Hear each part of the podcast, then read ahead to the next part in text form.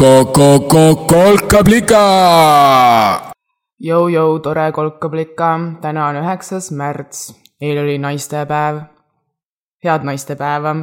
minu nimi on Liina, kutsun endki kolkablikaks ja olen täna siin, et tuua sullegi ehk tulu ehk taipamist täna oleks vist paslik alustada küsimusega, et kuida tervis on. ma olen terve ja ma siiralt loodan, et sina viirusega või viiruseta tunned ka end enam-vähem okilt, vähemalt enam-vähem okilt. ja nagu sa pealkirjast ilmselt juba eeldad, ma täna tahan rääkida omamoodi koroonaviirusest. Liina moodi koroonaviirusest ma olen teinud endale nimekirja oma isiklikest koroonaviiruse õppetundidest ja neid täna sinuga jagada tahangi. Ma hakkan algusest pihta ja siis vaatame, kuhu välja jõuame, okei okay?? kas oled valmis? ma nüüd hakkan pihta. esimese õppetunni jaoks äh, on mul vaja viia sind ja noh, tegelikult iseend ajas viis aastat tagasi kahe tuhande viieteistkümnendasse aastasse. miks kahe tuhande viieteistkümnendasse aastasse, sa ehk küsid? Sest äh, kaks tuhat viisteist oli aasta, kui mina väga isiklikult esimest korda elus kogesin, tajusin, sain aru, kui äh, hirmus, kole on see maailm, kus me elame. kus me praegu elame. ma ei räägi loodusest, ma räägin noh, sellest kõigest, on ju. Ma ei tea täpselt, kuidas me asju, mida me enne näinud pole, järsku nagu väga selgelt nägema hakkame, kuidas täpselt toimub arusaamine, mõistmine, taipamine, aga kuidagi ta toimub. järsku nagu näed kuskil midagi, tabad näiteks mingi ebaõigluse, märkad koledust, reageerid siis mingi emotsiooniga. Ja siis sellest tulenevalt hakkad kuidagi mõtlema, et miks asjad siin nii toimuvad, nii nagu nad toimuvad ja nagu mis on minu roll selles kõiges. see on niisugune natukene nagu äh, kurvemapoolne taipamine. võib teha kurvaks. maailmavalu. mul on tunne, et vanasti arvati ja ilmselt mõned arvavad siiamaani, et see maailma valutamine on rohkem niisugune ma ei tea, pehmete tiinekate värk aga ma arvan, et see on nagu aegunud uudis ja nüüd kõik mingil määral kannatavad selle valu käes või no kui ei kannata, siis äh, näevad kohutavalt vaeva, et seda valu endast nagu iga hinna eest eemal hoida. ma ei tea, ignoreerimise või vaiba või naabrihoovi pühkimise või metsa alla viimise abil või noh, mida iganes. mis tegelikult nagu lõppkokkuvõttes minu arust on nagu suht sama asi, lihtsalt teine vorm. sest noh, ma igatahes arvan, et see maailm on päris mitmest otsast tõesti katki. Nii et maailmavaluks nagu põhjust võib olla küll. mina, Liina, tegelikult ses suhtes kasvasin üles päris toredalt. ma sündisin täpselt niisugusel ajal, et äh, minu kultuuriline mälu on nüüd umbes täpselt kahekümneaastane ja seetõttu ei mäleta mina isiklikult üheksakümnendate Eesti jutustatud ja väidetud segaduste ja õuduste ajast nagu suurte midagi peale Raidi lugude ja isiklikult üksnes hirmu vendade vodkade ees, kui kord läksin vanaemaga naisteühenduse suvepäevadele kuhugi sinna Heimtali kanti. aga noh, see on umbes kõik. Vodkade kinnipüüdmist muideks mäletan mega selgelt, ilmselt ka seetõttu, et see oli niisugune eriline päev nimega kakskümmend üheksa veebruar, on ju ja ma arvan, et umbes sealtmaalt Inese Eurovisioonile minekust ja vodkade kinnipüüdmisest, sealt umbes hakkabki minu see kultuuriline mälu pihta. Inese puhul peab ütlema, et go roheline, on ju. kahe tuhandendatest, kahe tuhandendatest mäletan ma muidugi rohkem. esiteks, nagu pea kõik ülejäänud inimesed, kes midagigi juba kahe tuhande esimesel aastal mäletasid mäletan ka mina väga täpselt, kus mina, kümneaastane tollal plika, olin, mida tegin, kust kuulsin, kes mulle teatas. üheteistkümnendal septembril kaks tuhat üks, et New Yorgis on maailma kaubanduskeskustesse sõitnud sisse lennukid ja need terastornid justkui imeväel nagu kokku kukkusid, on ju. ma olin just jõudnud koolist koju, olin pannud telku käima, sealt hakkas noortesaade ZTV ja Genka rääkis. Aga noh, ma olin kümme. midagi õrna mäletame ka SARS-ist ja mäletan ühte klassiõde põhikoolis, kes aeg-ajalt Aafrika nälgivate laste pärast muretses. ta jättis mulle väga targa mulje. aga nagu päriselt suurt miskit sel ajal nii suurelt mind siiski nagu ei kõigutanud. esimene mälestus nagu esimesest niisugusest suuremast šokist, esimesest kõikumisest pärineb mul kahe tuhande üheteistkümnenda aasta suvest, kui Breivik Norras laamendas, on ju mulle läks see nagu korda, mul läks see korda ilmselt sest sel põhjusel, nagu meile tihti asjad korda lähevad, see nagu lõi lähedalt. ma olen Norras elanud, üldse mitte kaugel, kusjuures sellest kohast, kus toona Breivik noori nottis. Ehk mul oli nagu peaaegu niisugune tunne, et äh, nagu oma riigis oleks mingi sündmus juhtunud, on ju. ja ma mäletan, kuidas ma noh, tol ajal äh, lugesin üldse hästi palju Norra äh, noorte inimeste blogisid, et keelt endiselt suus hoida ja Norras nagu kõik blogisid, on ju. ja siis ma mäletan neid päevi pärast kahekümne teist juulit, kui ma veetsin internetis otsides nagu blogisid neil surnud, surnud inim-, noortelt.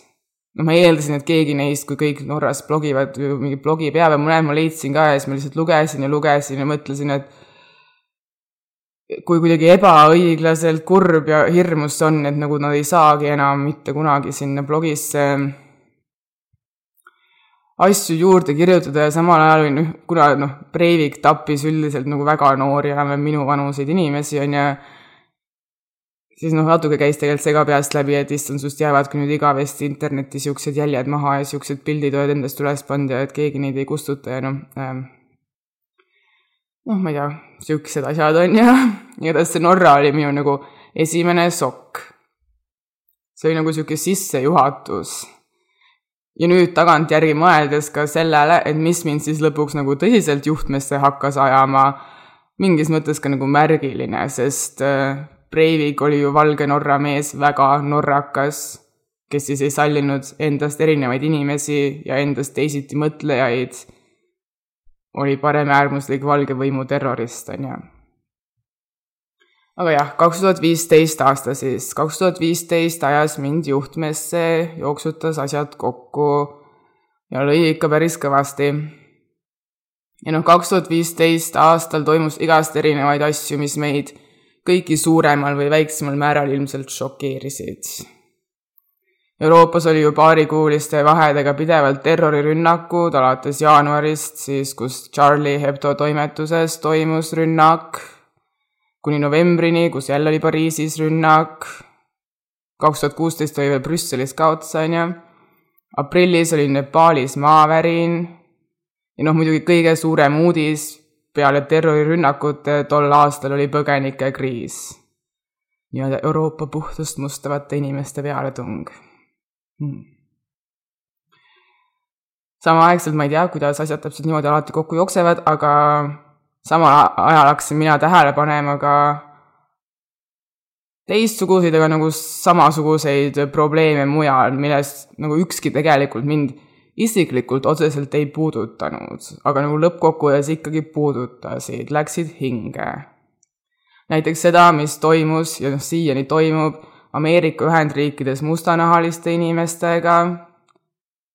kahe tuhande viieteistkümnendal aastal nagu esimest korda jõudis minu mööda uudistevoogu siis äh, politsei mustanahaliste meeste nottimine USA-s.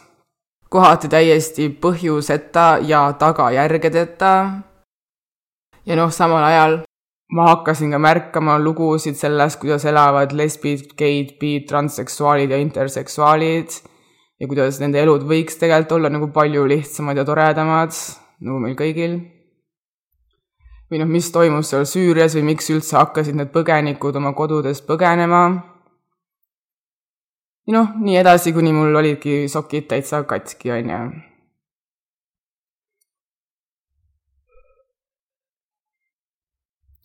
Nii et lõpuks ilmselt ma arvan, see põhjus, miks ma siis oma terrorišokist lihtsalt üle ei saanud ja oma eluga kuidagi lihtsalt edasi ei osanud minna, oli see, et ma, ma ei tea, nagu järsku nägin, et ka selles šokis, selles algses terrorirünnakute šokis, mida umbes terve Euroopa tundis, ma nagu hakkasin nägema selles, nagu selles šokis auke ja et nendest aukudest nagu vaatasid vastu, ma ei tea, katkised varbad ja küüned, mis omakorda olid ka väga šokeerivad. ja samal ajal mulle nagu tundus, et kellelegi nagu hullult meeldiks, kui me ei näe neid varbaid ja küüsi seal taga. et nagu võiks pigem sokkidest mööda vaadata või ma ei tea, hästi ruttu mingi lapp peale panna, on ju, augule. ehk nagu ma ei tea, miskit nagu ei mätsinud, on ju noh, see olid need nagu olukorrad, kus kaksteist inimest sureb Prantsusmaal ja siis kogu maailma liidrid lähevad Pariisi marssima nende kaheteistkümne inimese surma pärast, on ju, mis on muidugi kurb, aga nagu samal ajal kaksteist tuhat korda kaks ehk mingi kolmkümmend kuus tuhat inimest, kes üritasid põgeneda sõja eest, lihtsalt uppusid Vahemerre, on ju ja siis nende pihta ma oleks pidanud nagu mingis mõttes vaatama, et ah, nad pole meie inimesed, pole meie asi, las nad lihtsalt surevad. nagu midagi üldse ei mätsinud, on ju. mul nagu tekkis küsimus, et kas nende kolmekümne kuue tuhande inimese pärast puhuks ja auks ei võiks ka maailma liidrid kõik koos kurbuses nagu marssima minna, selle asemel, et hoida neid nagu veel rohkem siit meie juurest eemal. las surevad. Esiteks minu arust inimene on alati inimene. ja nagu teiseks, kui natukene uurida, suht ruttu leiab ka, et neisse Lähis-Ida probleemisuppidesse, mille eest need inimesed põgenesid ja noh, tegelikult siiani põgenesid, praegu on ju ka uus põgenikekriis meil ees. et nendesse nagu Lähis-Ida probleemisuppidesse on ju valge lääne mees, needsamad marssivad liidrid, väga palju haput soola probleemi suppi juurde lisanud. nii et supp neil seal kodus on peaaegu söögikõlbmatu. see ei ole ainult nende enda probleem. seal lääne liidrid ka on igast susserdamist teinud. noh, samal ajal või sama asi tegelikult ka nende Ameerika mustanahalistega, nende probleemi supp on nii terav, et valge mees hea meelega vaataks sellest lihtsalt mööda, sest talle meeldib kõik mage, on ju. noh, midagi siis lihtsalt jooksis kokku, nagu ei mätsinud, on ju. ma arvan, nagu lihtsalt öeldes, siis äh, see oli mulle isiklikult aeg, kui ma avastasin ja tajusin esimest korda valge mehe võimu siin maailmas. ja noh, reageering sellele oli, et ju, ju, ju, nagu ei peaks nii olema, on ju. ja no samal ajal ma ei saanud ka ju nagu mööda vaadata sellest, et äh, ma ise ka sama valge kui tavaline siga, siga, on ju, nii et äh, ma ei tea, vist on nagu suht ilmselge see ideaalne retsept minu supi keema minemiseks, on ju. mu maailmavalusupp läks keema. ma ei tea, mõnel ilmselt ei tulegi elus kunagi niisuguste asjadega üldse tegemist teha, teistel aga tuleb võib-olla veel ei ole olnud, aga ehk tuleb, võib-olla üldse mitte sellest vaatevinklist nagu mul, sest ma arvan, et nagu sarnane keev maailmavalusupp saab näiteks alguse saada ka, ma ei tea, videost lehma- või kanafarmist, kus elu said nii ilusate silmadega ja niisuguse vägeva karvaga. lehm on mu lemmikloom lehmasid ja kanasid, ma ei tea, sikutatakse ja sakutatakse ja visatakse ja lüüakse jalgadega ja mida kõike veel ei tehta, et meie lihtsalt süüa saaks mingit liha, on ju. või ma ei tea, näiteks sellest, et järsku kuidagi taipad, et ratastoolis inimene ei pääse suht kuhugi, kuhu mina oma jalgadega pääsen. või ma ei äh, või ma ei tea, kogu selle jutu peale tuleb praegu hoopis äh, ette Greta Thunbergi nägu või meenuvad Amazoni töötajate töötingimused või sealsamas Hiinas ja Kambodžas ja mujal mitte millegi eest tõmblumist rabavad noored naised ja lapsed, on ju. või ma ei tea, lihtsalt need kaagutajad seal Toompeal. ja noh, tegelikult ma arvan, et need kaagutajad on ka mingit sarnast maailmavalu äh, tundnud, nad lihtsalt on mingil imelikul kombel täiesti teistsuguse loogika alusel täiesti teistsuguste lahendusteni jõudnud kui mina. ja ma loodan, et ka sina. ja ses mõttes on tegelikult koroonaviirus praegu huvitav, samamoodi nagu on huvitavad minu arust äh, iga aastaga järjest võimsamad orkaanid ja tornaadod ja tormid ja põuad ja metsapõlengud, sest kui nagu Breiviku sai vangi panna, on ju, ja tekkis korraks tunne, et nüüd ongi kõik paremäärmuslased ilusti vangis, kuni tuli järgmine, kelle sai ka jälle vangi panna, on ju, või noh, järgmise saab ka jälle vangi panna, siis eh, nende tulekahjude, põudade ja tormide ja ka viirusega nagu ei ole nõnda lihtne leida kedagi, keda süüdistada. ja vangi panna ja kui veel kliimakriisiga noh, ruttu leiab nagu kedagi, kedagigi, keda süüdistada, siis äh, näiteks kas või selles, et ta piisavalt raha ei anneta maailma äh, looduse heaks, on ju. Viiruse puhul on see praegu nagu veel eriti kahtlane, on ju. nagu keda süüdistada, on ju, aga ausalt öeldes mulle nagu, miks ma arvan, et see on huvitav või tore või tulus ka, et kedagi ei saa süüdistada, on see, et see nagu viib lõpuks tähelepanu sellele, et miski kuskil väga paljud siin maailmas toimub nagu väga valesti. ja nagu natuke meie kõigi äh, tegemiste tulemusena. Et midagi on nagu valesti, miski peab kuskil muutuma kõik peaks kuidagipidi kuskilt otsalt vaikselt muutuma hakkama. ja no siis tekibki küsimus, et kust ja kuidas ja millal, on ju. ma olen koroonaviirusele kohanud täpselt kolme tüüpi reageerijaid. esimene reageerijate grupp on need, kes muudkui käega vibutavad iga kord, kui koroonaviirus mentaalselt neid katsuda üritab, vibutavad umbes nii, et noh, mine ära või noh, jäta mind rahule, on ju tavaliselt esimese asjana jookseb neil suust välja teade, et grippi sureb aastas seitsekümmend tuhat inimest ja mis sa muretsed ja see on seal nende mingi kaugete inimeste probleem ja nii edasi, on ju. las ma elan oma elu edasi, nii nagu ma olen elanud. Siis äh, teine äärmus on need, kes äh, alates jaanuarist usuvad põhimõtteliselt maailm on nüüd nagu lõpule, hukule määratud, seda kohe väga varsti viiruse tõttu ja siis nad äh, tihti kukuvad seda ka kõigile kuulutama. Need on siis need, kes on poest maskid ära ostnud ja desinfitseerimisvahendid ära ostnud ja ma ei tea, Austraalias näiteks ka vetsupaberi, on ju. ja ma ei tea, mõni räägib neist, et praegu peaks terve maailm umbes kolmeks nädalaks end koju lukustama ja noh, nii edasi, niisugused radikaalsemad.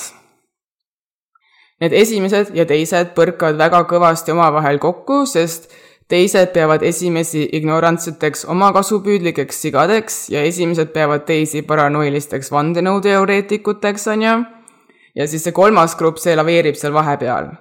kolmas grupp üritab säilitada kainet mõistust, aga samal ajal ka nagu tunneb huvi, et nagu mis värk siis ikkagi päriselt on, mis toimub. Et äkki see viirus on, ma ei tea, kuskilt otsast maailmale äkki kuidagipidi kasulik, on ju ma uhkusega näen vaeva, et kuuluda sellesse viimasesse kolmandasse gruppi. tunnen isiklikult aga kõikide gruppide esindajaid. teise grupi esindaja ehk siis esimese grupi arust paranoiline vandenõuteoreetik elab mul näiteks ka siin kodus.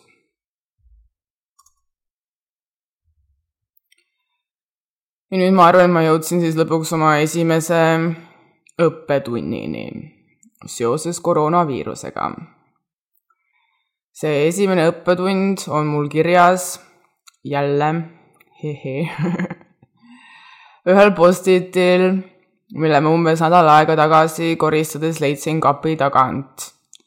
see oli sinna maha kukkunud. seal on kirjas, leia elu suurtele ja väikestele küsimustele isiklikud vastused leia elu suurtele ja väikestele küsimustele isiklikud vastused. ma korjasin selle sõnumi üles oma esimesest tarokaardide raamatust, sellest helesinisest, mille emps ostis mulle loomeringi kaltsukast. Ja ma enam ei mäleta, mis kaardi väljatõmbamine selle mõttejuhiseni viis. aga sealt raamatust ta pärineb, seda ma tean. ja noh, erinevate postitute peal olen ma teda kirjutanud aeg-ajalt meelde tuletades noh, umbes sealt kahe tuhande viieteistkümnenda aasta lõpust, kahe tuhande kuueteistkümnenda aasta algusest ja miks? sest see lause klikkis minuga, lihtsalt klikkis. Klikkis kui nagu mingi motivatsiooni, mingi motivatsioon, motivatsioon ärkvel olemiseks, uudishimuks, kaineks mõistuseks ja edasiminekuks, kui kõik oli, on või ma ei tea, saab olema väga, väga, väga sassis leia elus suurtele ja väikestele küsimustele isiklikud vastused. selle mõttejuhise juures meeldib mulle nagu absoluutselt kõik. Sest no põhimõtteliselt võiks seal kirjas olla ka ju, et leia elus suurtele ja väikestele probleemidele isiklikud lahendused. aga mulle just meeldib, et probleemi ja lahenduse asemel on öeldud küsimused ja vastused miks, sest probleem on ju suht nagu alati, vähemalt minu arust, lahendatav õigete küsimuste küsimisega. ja see läheb tihti meelest ära, eriti kui nagu probleem on niisugune suur ja igast nurgast tundub, et kuskil pole midagi lahendatavat, see ongi nagu lihtsalt istud seal nagu ahastuses probleemi otsas, on ju. ja ongi tunne, et lahendust pole. kui aga leida probleemides need õiged küsimused, mida küsida, et hakata otsima neile küsimustele vastuseid, lahendusi, probleem nagu hakkab vaikselt ju juba ka lahustuma. nagu samm lahenduse suunas lahustab probleemi. On ju nii? ja kui seal on kirjas küsimused ja vastused, siis nagu on alati tänu sellele küsimustele ja vastustele meeles ka see, et tuleb esitada õigeid küsimusi õigeid küsimusi, mis hakkavad tooma õigeid vastuseid, kui silmitsi seisame probleemiga. aga mu lemmikosa veel selle lause juures on see sõna isiklikud, sõna vastuste ees. Lihtsalt vastuste või üldiste vastuste asemel nagu utsitab see lause otsima just nimelt isiklikke vastuseid. Kui oled maailmavalu tundnud kas näiteks kliima või naiste või ma ei tea, endast teistsuguste inimeste või haigete või nälgivate laste pärast, siis väga tihti kaasneb selle valuga ka niisugune ahastus või apaatia, väsimus, sest noh, kogu maailma raskus, koorem on nagu järsku õlgadele kukkunud ja siis tunned ennast nagu nii tillukesena, nii tillukesena, ainult üks inimene sellest seitsmest miljardist või noh, üks miljonist, nagu iga eestlane, thanks, Reket thanks, Reket. ja siis on niisugune tunne, et nagu midagi ei suuda teha, ei oska teha, ei saa teha, et nagu niisugune tunne, et mingit nagu võimu, võimsust, võimalikkust enda kätes pole, et midagi peale hakata. Ja siis läheb supp keema. sest see ei ole tore tunne. umbes sama loogika, miks mõned inimesed ei käi näiteks valimas, et noh, mis minu hääl ikka loeb no midagi ikka loeb. vähemalt olen kaasa rääkinud ja otsus on tehtud ühe hääle tulemuse võrra rohkem.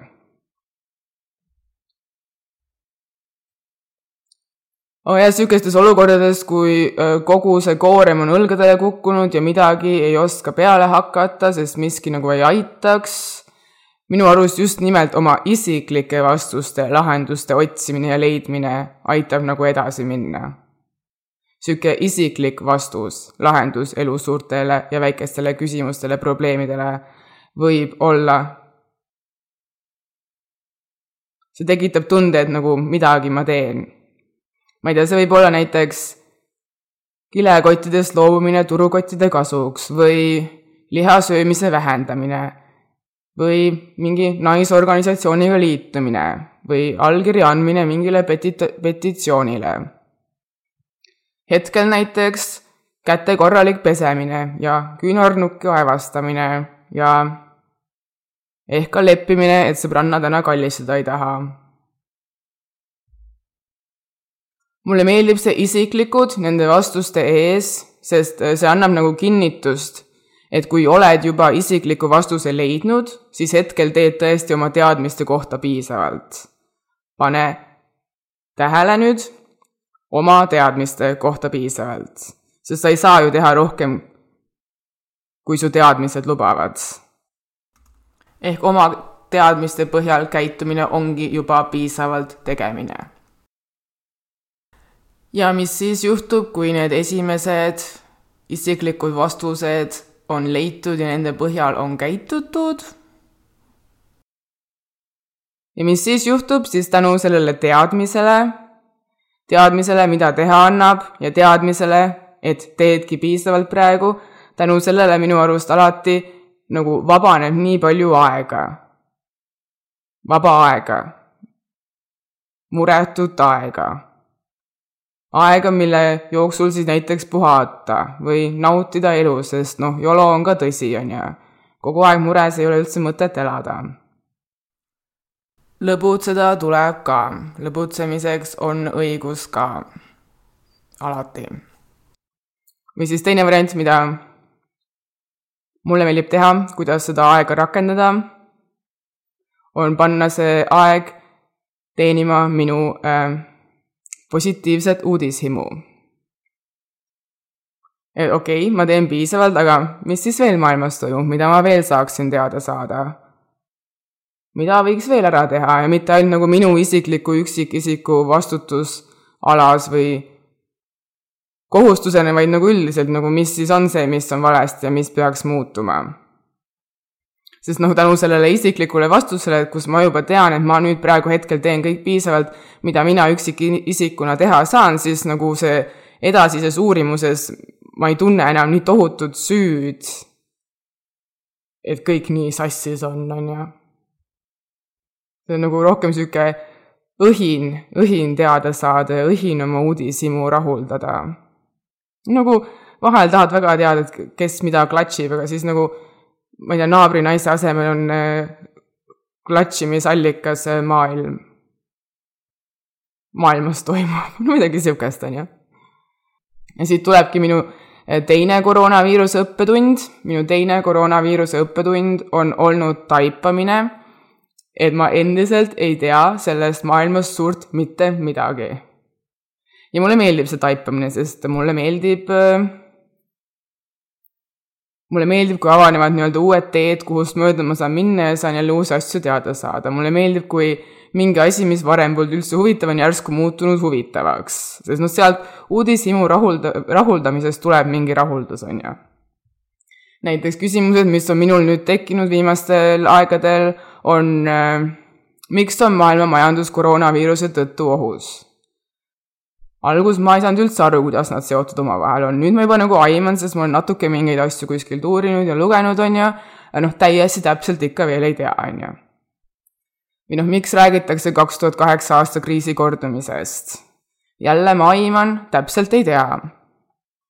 täpselt ei tea ka seda, miks kuidas täpselt, täpselt juhtus kaks tuhat kaheksa aastal see finantskriis, miks tekkis masu? Miskit mäletan, miskit tean, aga täpselt ikka ei tea, nii täpselt ei tea, et ei oska seda nagu oma mõtte, mõtte, ma ei tea, arutlustesse kaasata, on ju. või noh, miks üldse on nõnda vajalik, et majandus kogu aeg kasvaks? jälle täpselt ei tea. aga kõik on väljauuritav, nii et ma uurin või ma ei tea, need küsimused pole isegi ainult majandusega seotud. Ma näiteks ka täpselt ei tea, mis organisatsioon on Maailma Terviseorganisatsioon, kes seda juhib, kes sinna kuuluvad, mis on nende ülesanded, kelle alla nemad kuuluvad, kelle eest nad vastutavad, miks me peaksime neid kuulama, ma ei tea, aga annab välja uurida. nii et uurin. või kas karantiinid on tõesti parimad meetmed viiruse leviku piiramiseks ilmselt, aga täpselt ei tea, miks. aga annab välja uurida. Ma näiteks ei teadnud seni ka suurt midagi kommunistliku Hiina toimimisest, aga näe, nüüd olen nagu aeglaselt, vaikselt selle viiruse leviku jooksul asju kuulnud, midagi tähele pannud, natukene uurinud ja järjest rohkem tean ja ilmselt tean varsti veel rohkem. Need küsimused, positiivne uudishimu, huvitumine aitavad minu arust äh, sellest äh, lumepallilaviinist nagu välja ronida. sellest laviinist, mis viib, ma ei tea, hirmu ja kartusesse ja masekasse ja kurbusesse ja nii edasi, on ju. ja paanika vastu aitab ka, ma arvan. uudishimu huvitumine aitab paanika vastu. kas või juba näiteks sellest lähiaspektist et lihtsalt vaatad oma paanikale otsa ja oled nagu mingi, kes sa oled, mis sind tekitab, kas sul on üldse õigus praegu tekkida, kas mul on sind vaja? ja nii edasi, vaata. sest ma ei tea, ma arvan ikka, et äh, siiras huvi, nagu siiras, sihuke natukene lõhu, lõbus, õhin huvi, kus liiga palju nagu seda ülearust muret sees pole ma arvan, et see nagu hoiabki vaimu värskena. kas oled nõus?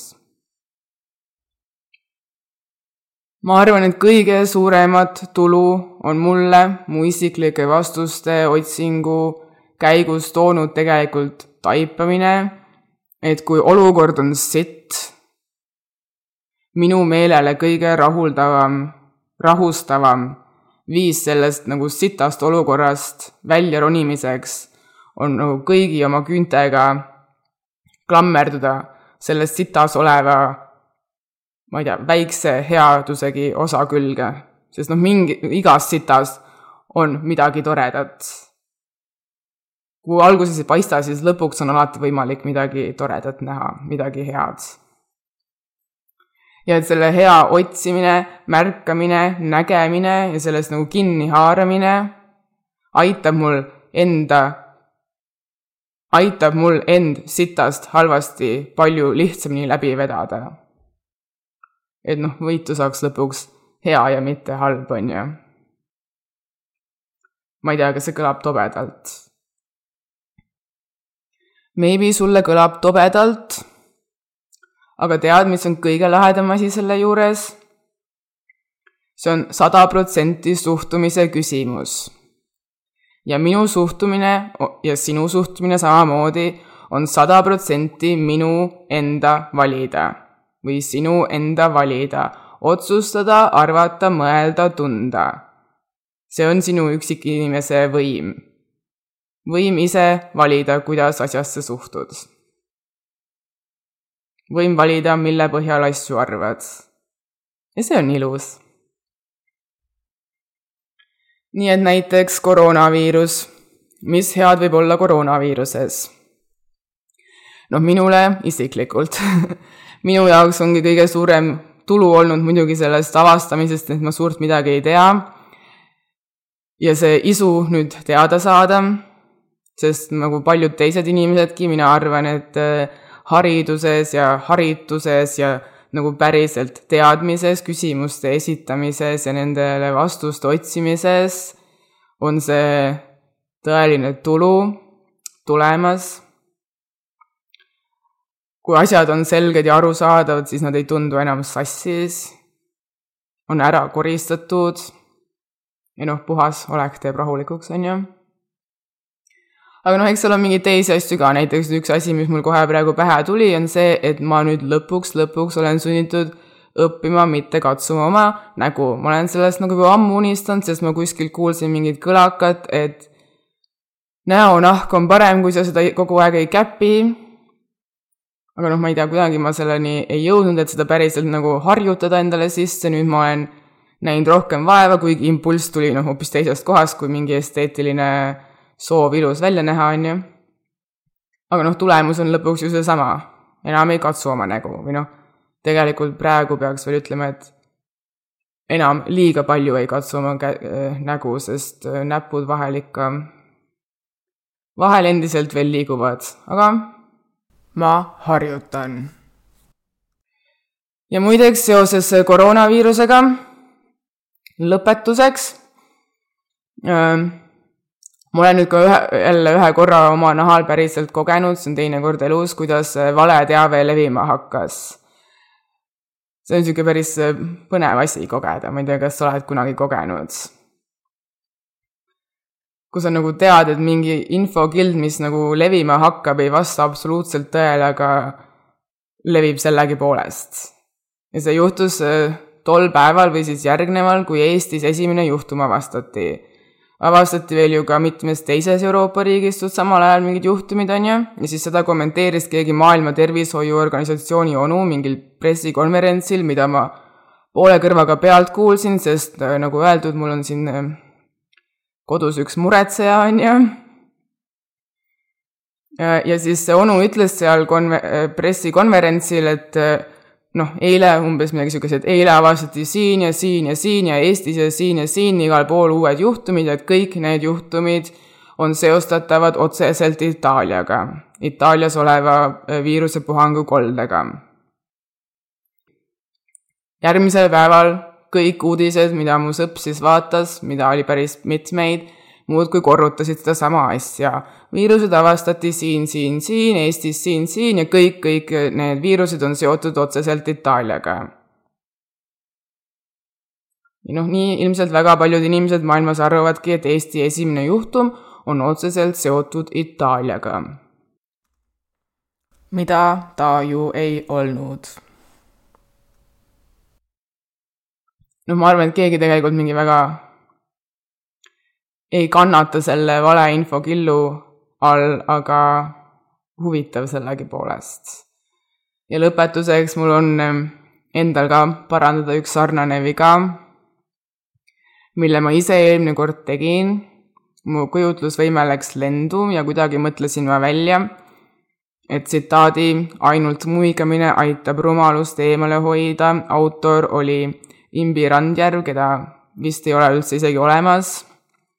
Ma vist, ma täiesti ise mõtlesin selle nime välja. tegelikult ütles seda muigamise tsitaati Heljo Mänd raamatus Umbjärv.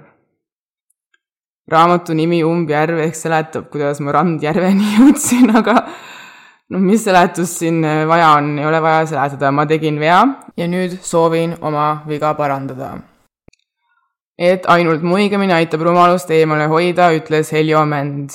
Heljo Mänd raamatus Umbjärv. parandatud.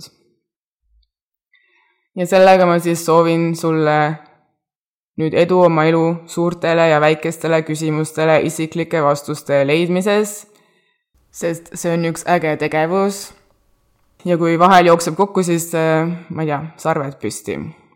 kohe, kohe on kevad ja kui sulle minu äh, rõõmus muigav möla istub, siis meeldetuletuseks järgmiseks korraks võid tellida mu kodukalt kolkablika.ee meeldetuletuse. samuti olen leitav Instagramis, Twitteris ja Facebookis. lingid kõigisse neisse kohtadesse leiad ikka ja jälle mu kodukalt www.kolkablika.ee. ja nii me lõpetamegi. peskem käsi. Kuulmiseni XOXO Liina